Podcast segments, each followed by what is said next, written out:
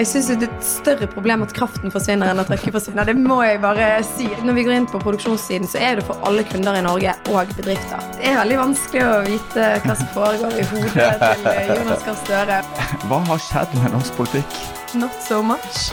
Det, det er veldig rart å bo i Oslo. Jeg sliter litt med det. Her er Stavrum og Eikeland, en podkast fra Nettavisen. Sofie Marhaug er Rødts knalltøffe energipolitiske talsperson som snakker krafteliten rett imot. På mandag så er det krisemøte i Stortinget om strømkrisen for vanlige folk og arbeidsplassene deres. Mens næringskomiteen de er på tur i Brasil. Hva synes du om det? Eh, jeg tenker Det viktigste er jo at energi- og miljøkomiteen eh, er til stede. Um, og eh, jeg syns jo at man burde innkalt til det hastemøtet litt tidligere. Ikke en uke, ukes tid før Stortinget uh, Drøy uke før Stortinget faktisk åpner, men at man burde ja, innkalt allerede i august. da, uh, Og da hadde man jo sluppet de problemene med alle komitéturene som er satt opp uh, samtidig. For Folk vil jo oppfatte at, at, dette ikke er blitt tatt så alvorlig når eh, stortingspolitikerne er all over the place og eh, kanskje ikke bryr seg om folks strømregninger? Jeg tror at det som folk vil ta veldig alvorlig, er hvis eh, det møtet ikke vedtar noen ting som helst, men bare snakker. Og det tror jeg er, er egentlig det verste mulige utfallet, at da mister, mister egentlig Stortinget litt tillit og legitimitet. Men det er ikke det det ligger an til? Altså Nå er det bare noen få dager igjen. Det ligger ikke noe forslag fra regjeringen på bordet. Eh, det kommer til å være mange forslag som kommer Er det ikke mm. veldig fare for at dette blir et pratemøte uten noe vedtak? Jo, det er jeg eh, bekymret for, og det har vi i Rødt òg vært ute og advart mot, og prøvd å vise våre kort hva slags type forslag vi vil stille, uh, mens regjeringen uh, har ikke gjort det samme. SV har vært kritisk til å egentlig behandle noen ting som helst i forbindelse med det møtet. Og jeg syns at, at da blir de ordene til stortingspresidenten litt hule, da. At dette, nå skal vi vise fram det beste av demokratiet. Men det beste av demokratiet er jo òg at man vedtar politikk, ikke bare at man snakker. For det kan vi jo gjøre på Dagsnytt 18 eller her i podkast ja. Men, men altså Rødt har jo havna i en veldig god situasjon. Altså Dere sitter jo med relativt, altså, litt sånn på vippen og kan egentlig diktere litt, hvis ikke Ap ønsker å hoppe over til, til høyresida. Og, og det jeg lurer på da er kan du og Rødt være garantisten for at folk flest vil klare å betale strømregninga si nå utover høsten og vinteren? Altså, Jeg skulle ønske vi var på vippen, men vi mangler faktisk eh, Hvis vi skulle hatt flertall sammen med regjeringen, så mangler vi ett mandat. eh, så jeg har dessverre ikke så stor makt parlamentarisk, eh, men vi kommer jo til å jobbe det vi kan for eh, våre løsninger og for å få ned strømprisene. Men hva kommer dere til å foreslå? Vi kommer til å foreslå det som vi i og for seg har foreslått uh, ulike varianter av før, nemlig makspris på strøm. Uh, der vi går inn på produksjonssiden egentlig, og sier at eh, kraftprodusentene og leverandørene ikke kan ta eh, betalt mer enn tre ganger hva det koster å produsere strømmen. For eh, konsesjonsprisen på strøm, altså snittet av hva det koster å produsere strøm i Norge i dag, det er under 12 øre kilowattimen. Mens vi kanskje kan få eh, priser opp i 20 kroner kilowattimen til vinteren hvis de mest pessimistiske anslagene slår til, og, og det tror jeg de gjør, det, men jeg er ikke jeg er ikke sjaman, jeg, jeg kan ikke spå inn i framtiden. Men jeg, jeg, er veldig, veldig bekymret, og jeg syns at eh, det er dypt problematisk at noen stikker av med en type superprofitt. Uh, og det spiller, uh, ja, spiller jo en rolle om det er offentlig eller privat, men, men jeg mener at uh, offentlige kraftprodusenter og leverandører oppfører seg som knall, knallharde kapitalister i møte med vanlige folk og de skyhøye prisene vi har nå. Forklar oss mer hvordan det virker. Hva er det du sier til Agder Energi eller Statkraft? At du får ikke selge kraften for mer enn rundt 35 øre per kWt kilowattime. Ja. Og så er det utrolig stor etterspørsel etter, etter energi. Ja. Eh, hvordan skal man sikre at det likevel kommer forbrukerne til gode? Ja. Det man må gjøre da, er at man må regulere eksporten mye strengere òg, og det foreslår vi òg. At det eh, maksprisforslaget det må jo gjelde eh, for kunder i Norge. Eh, og så må man ha en leveringsplikt, sånn at ikke kraftprodusentene eh, slutter å levere til norske kunder fordi at de kan selge dyrere i utlandet. Det er jo en sånn veldig stor felle hvis man bare hadde fremmet det forslaget isolert sett. da. Eh, så man må reforhandle noen av de eh, eksportavtalene, altså både avtale for utenlandskabler, men òg andre, andre eksportavtaler, for vi har jo flere sånne eksportavtaler med Europa. Men eh, sånn som Statkraft, de har jo allerede forplikta seg til å levere kraft til utlandet, til Tyskland. Til det de trodde var fantastiske priser i fjor høst. som har vist det egentlig å være elendige priser i forhold til nå. Uh, ja, De Ja, må eller- levere, de må overholde de, da. Ja, eller det de sier at det er rene finansielle avtaler. Det har vært mye krangling om hva, hva betyr egentlig de fastprisavtalene. Men eh, jeg er overbevist om at eh, norske kraftprodusenter eh, kan eh, reforhandle avtaler og har egentlig en, en eh, sterk posisjon eh, overfor utenlandske og Norge generelt har en sterk posisjon. Altså Vi er jo den viktigste leverandøren av gass til Europa nå. Det skal vi jo fortsette å være. Men det gjør òg at det er ikke urimelig å kreve at vår egen infrastruktur, vår egen beredskap òg skal være god. Og jeg mener til og med at Europa òg tjener på det. Europa tjener jo ikke på at, øh, på at vi betaler skyhøye priser, eller på at vi tapper magasinet her hjemme. Men men eh, jeg tror jo veldig mange forbrukere har lyst på 35 øre per kWt, men de har også lyst til å ha, ha jobb. Og Ja. nå er det jo mange bedrifter som forteller at de er helt på kanten av konkurs. Hva med strømstøtte til firmaene? Ja, det, det, Når vi går inn på produksjonssiden, så er det for alle kunder i Norge og bedrifter. Eh, og så mener jo Rødt også at man kanskje bør være litt strengere med hvem som får etablere seg i Norge. At, kan, at vi vil forby kryptoutvinning f.eks. Eh, være strengere med strømmen, da. Eh, kraften, eh, hvem som skal få den. Men eh, jeg mener at, eh, at det er helt eh, sykt at en innsatsfaktor som er så viktig for så mange, nemlig kraft, eh, vokser helt enormt ut av proporsjoner. Jeg var på sånn møte med Bergen næringsråd på eh, mandag denne uken, eh, og det mange av de bedriftseierne eh, sa, var at de har ikke lyst på støtte. De har ikke lyst til å bli klientifisert. Eh, De har lyst til å klare seg sjøl, og da må man gjøre noe med selve prismekanismen eh, på strøm. Og det er jo det vi i Rødt òg ønsker, og ønsker ikke sånn sett å skille mellom egentlig noen kunder i Norge. Men hvis vi eh, har vindkraft på, på land, eh, vi effektiviserer litt mer på den vannkraften vi har, eh, og så får vi vindkraft på havet om ti år, ish. Altså, da vil du iallfall cover litt. Er ikke det positivt? Det er jo positivt å øke kraftproduksjonen noe. Eh, Så er ikke Rødt så veldig positiv til vindkraft. Hvorfor ikke det? Fordi at eh, det går på bekostning av eh, urørt eh, natur, det går på bekostning av urfolks rettigheter, har vi sett eksempler på. Og de søk nye søknadene som ligger inne nå, kan òg komme i konflikt med reinbeitedrift i Finnmark. Eh, og så er jo det veldig stor lokal motstand. Og jeg tror at den motstanden har oppstått litt òg fordi fordi at folk har ikke fått noe igjen for den eh, vindkraften som har blitt etablert. Eh, penger har havnet i skatteparadis som Luxembourg. Eh, det har ikke oppstått så mange arbeidsplasser som eh, folk har blitt lovet. Det har vært store støyproblemer, f.eks. I, i Tysvær, eh, er det der de har fått eh, støyproblemer, helseproblemer, som følge av vindkraftutbygging. vindkraftutbygging. Men forklar meg en ting som er vanskelig å forstå for folk utenfor politikken. Altså Det, det Rødt står for nå i strømpolitikken, det er jo eh, det samme regimet som på en måte i sin tid skapte Hydro. Sant? Vi hadde tilgang til billig kraft og bygde opp masse bedrifter i Norge. Så plutselig så er det blitt den nye, den nye liturgien er på en måte at, at kraften skal selges til europeiske priser, og hvis ikke vi klarer å skape verdier på toppen av de prisene, så kan bedriftene bare gå konkurs. Det er jo Hva har skjedd med norsk politikk? Ja, det som skjedde, man, man holder jo fast i eh, retorikken. Alle partiene sier at vi skal sikre vårt konkurransefortrinn, som har vært billig ren kraft. eh, men i praksis not so much. Så, så eh, har man egentlig gitt opp den politikken, mener jeg, da, når man har eh, inngått de avtalene man har gjort, og har snakket om at man skal harmonisere de, med de europeiske prisene. Det betyr at vi skal få dyrere strøm i Norge. Det har vært eh, villet politikk, og nå ser vi konsekvensen av det. Og så er- forsterkes jo det selvfølgelig av at det europeiske markedet er mer ustabilt enn man hadde trodd pga. krig, pga.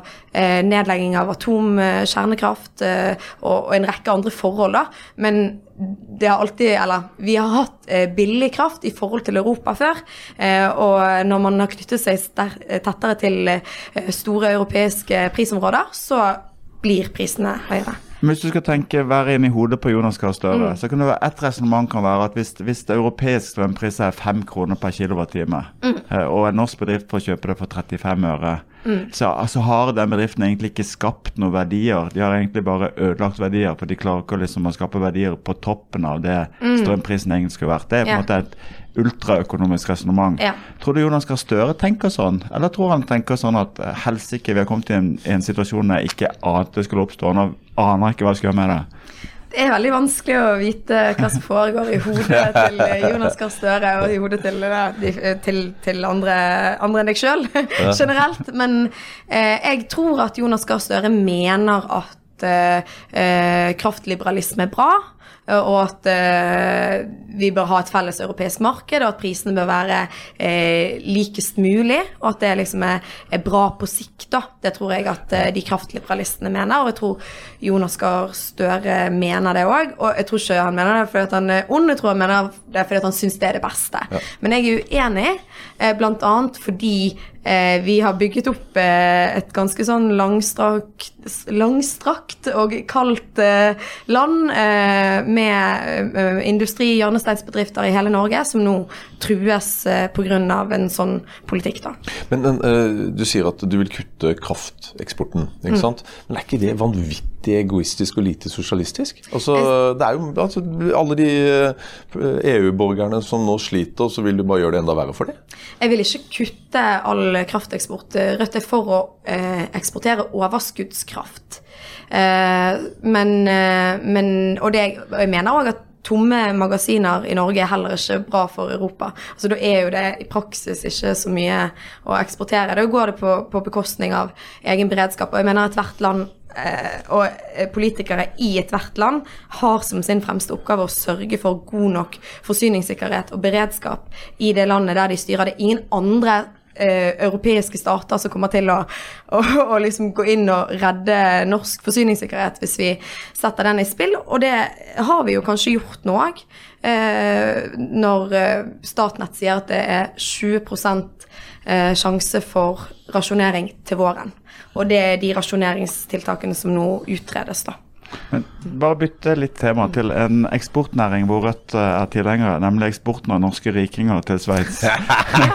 Denne uka kom nyheten om at Kjell Inge Røkke flytter til Sveits. Eh, eh, Han sparer ifølge Aftenposten en milliard kroner i skatt i året på å gjøre det. Eh, Jeg tror 13 av de 45 rikeste i Norge har flytta til utlandet.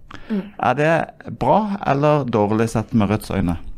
Ja, det er eh, både og, eh, sett med Rødts øyne. Fordi på den ene siden så mener jo jeg at vi på en måte klarer oss helt fint uten eh, de superrike, så lenge vi har eh, eh, industri og verdiskaping og arbeidsplasser her.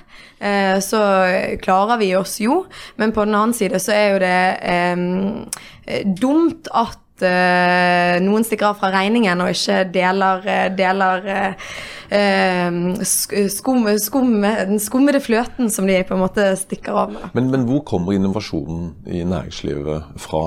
Altså, det er jo nettopp alle disse rike kapitalistene eh, som, som investerer og skaper arbeidsplasser, skaper profitt, som igjen skaper masse inntekter til staten.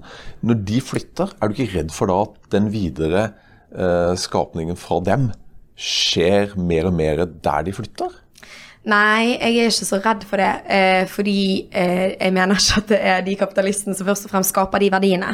Eh, hvis vi tar Røkke som eksempel, da, eh, som kanskje dere kan, kan mer eh, om biografisk for eksempel, enn jeg kan, men eh, så har jo han bygget seg opp eh, til dels på eksisterende infrastruktur, verft som har eksistert fra før av. Eh, norsk olje. Eh, Aker leverer til Equinor, altså staten er på en måte den største kunden. Har fått, han har fått masse koronastøtte, Enova-støtte, masse hjelp fra den norske staten. så Eh, I det tilfellet så er det i hvert fall veldig lett å se at de verdiene eh, kommer ikke fra Røkke alene, men han stikker av med noen av de verdiene som vi har skapt i fellesskap.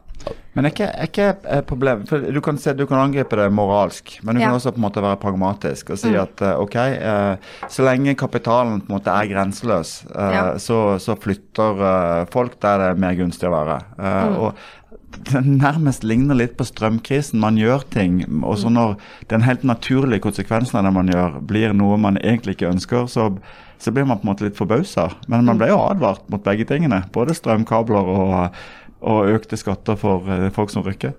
Ja, jeg syns det er et større problem at kraften forsvinner enn at Røkke forsvinner. Det må jeg bare si, at det er ikke for meg helt sammenlignbare størrelser. Eh, og så er jo problemet med, med Røkke òg at liksom du har noen skatteparadis, sånn som Sveits. Altså Lugano er sikkert et flott sted, men eh, det er jo veldig rart at, eh, at så mange så rike folk syns akkurat Lugano er flottere enn en andre, andre fine steder i Europa. Så du, og det skjer ikke bare i Norge, sant? det skjer jo i mange europeiske land at eh, superrike flytter formuene sine eh, til eh, Sveits. Eh, som har eh, veldig billig beskatning på kapital. Eh, Norge har ikke spesielt Altså hvis du tar alle måte kapitalskattene, så er ikke skattenivået i Norge spesielt høyt sammenlignet med eh, andre OECD-land. Eh, fordi at vi har ikke arveskatt. Det mener jo vi i Rødt at vi burde hatt, for så vidt. Men vi har formuesskatten. Vi er ikke spesielt stor eiendomsskatt. Eh, selskapsskatten har blitt kuttet. Eh, og så har vi den formuesskatten. Og Rødt kan godt diskutere liksom eh, Det er ikke sikkert formuesskatten trenger å være den høyeste. Vi kan godt øke selskapsskatten eh, mer. Vi kan godt eh, innføre, gjeninnføre en omfordelende skatt på arv. Eh, altså, det er mange måter å skatte kapital på. og det er det må vi gjerne diskutere, men jeg har et inntrykk av at eh, noen av disse superrike eh, som flykter landet, bare ikke ønsker skatt på kapital.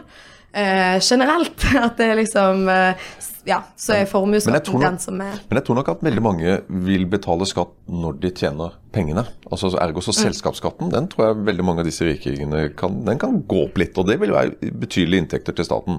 Men sånn som med Røkkes del, det eksempelet der, han må jo ta ut eh, seks, eh, ja, høyst sannsynlig 6, mellom 600 og 700 millioner kroner for å betale den uh, skatteregninga på formuesskatten på 300 og nå, ikke sant? Og få utbytteskatt i tillegg og alt dette her. Ja. Det er jo ikke riktig, er det det? ja, nå, får, nå, nå går jo det ganske godt med Røkke òg, mitt inntrykk, så akkurat uh, syns ikke Det, det finnes jo en del teoretiske um, øvelser der man kan tenke seg folk som eh, kommer til å slite økonomisk pga. formuesskatten, men Røkke er vel ikke blant de? Jo, men det går opp, plutselig så taper man penger et år. Ja. Ja, okay. Røkke flykter fra kommunistene.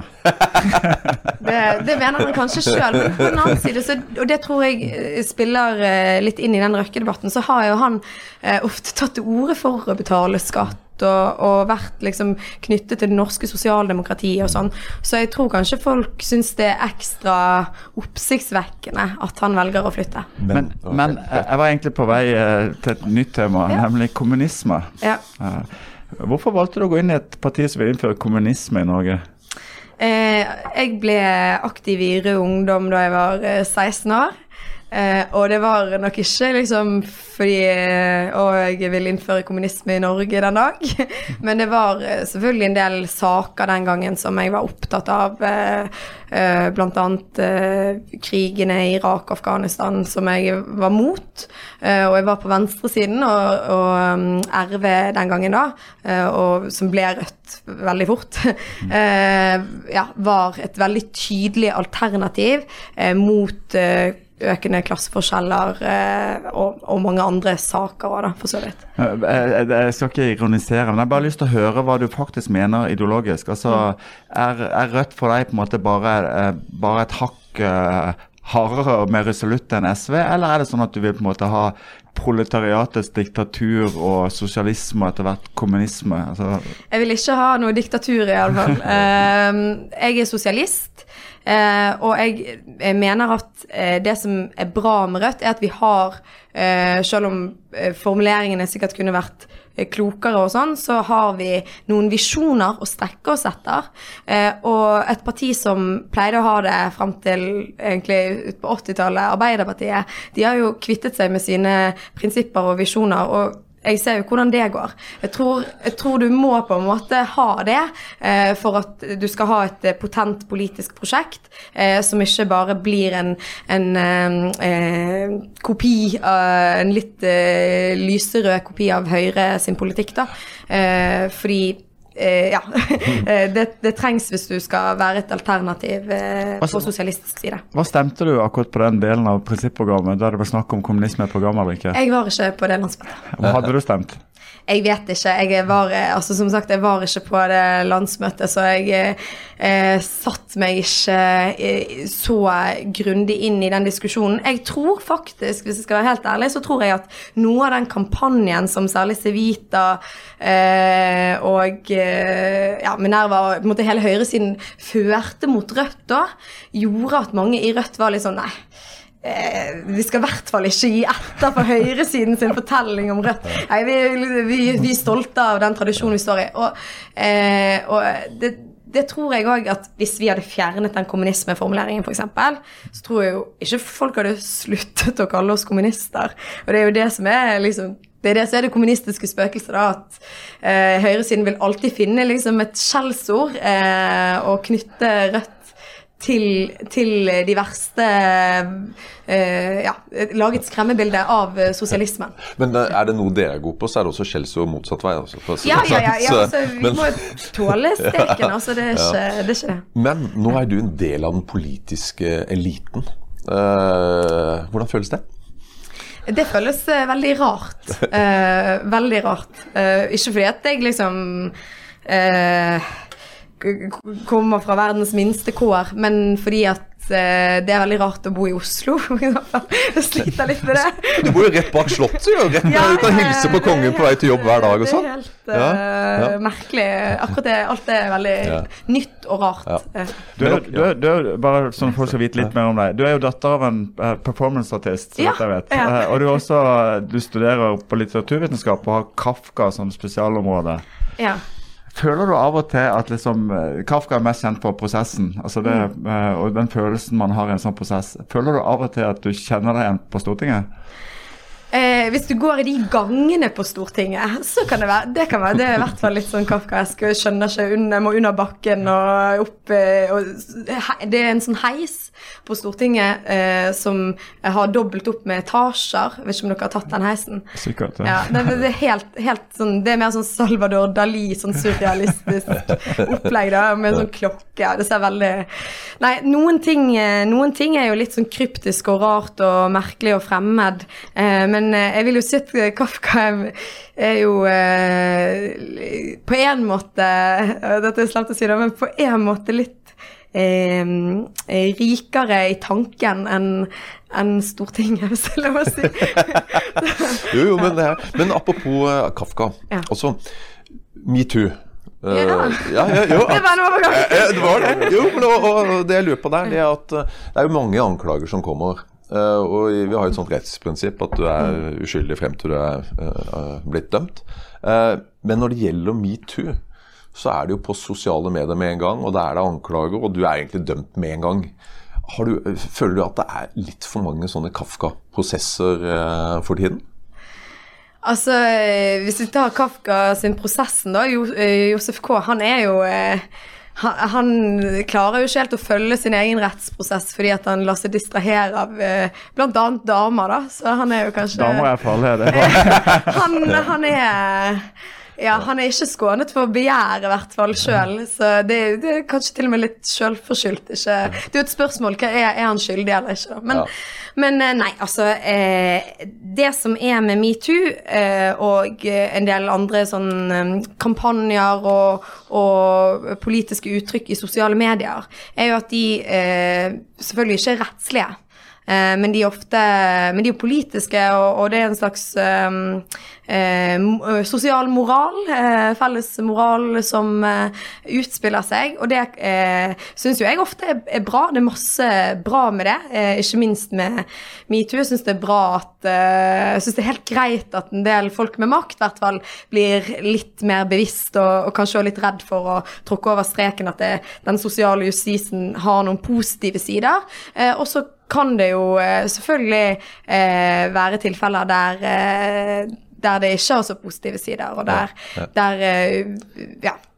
Men apropos eh, begjær, når vi hopper litt over. Altså, kjærleik Mm. Ja. i, i Rødt, det er det mye for tiden. ikke sant? Da har du jo sjefen ja, men sjefen din han har jo funnet kjærleiken, altså Moxnes, eh, på ny. Det er jo hyggelig. Og du har jo også funnet kjærleiken med Mimir, ikke Mm. Ja. sant? Og så da lurer jeg på når dere er hjemme fredagskveld, lørdagskveld og koser dere med kanskje med litt rødvin eller hvitvin eller en øl eller whatever, er det mye diskusjoner da? Eh, altså, det som er med det pendlerlivet, er at eh, det er veldig lite sånn hverdag, da.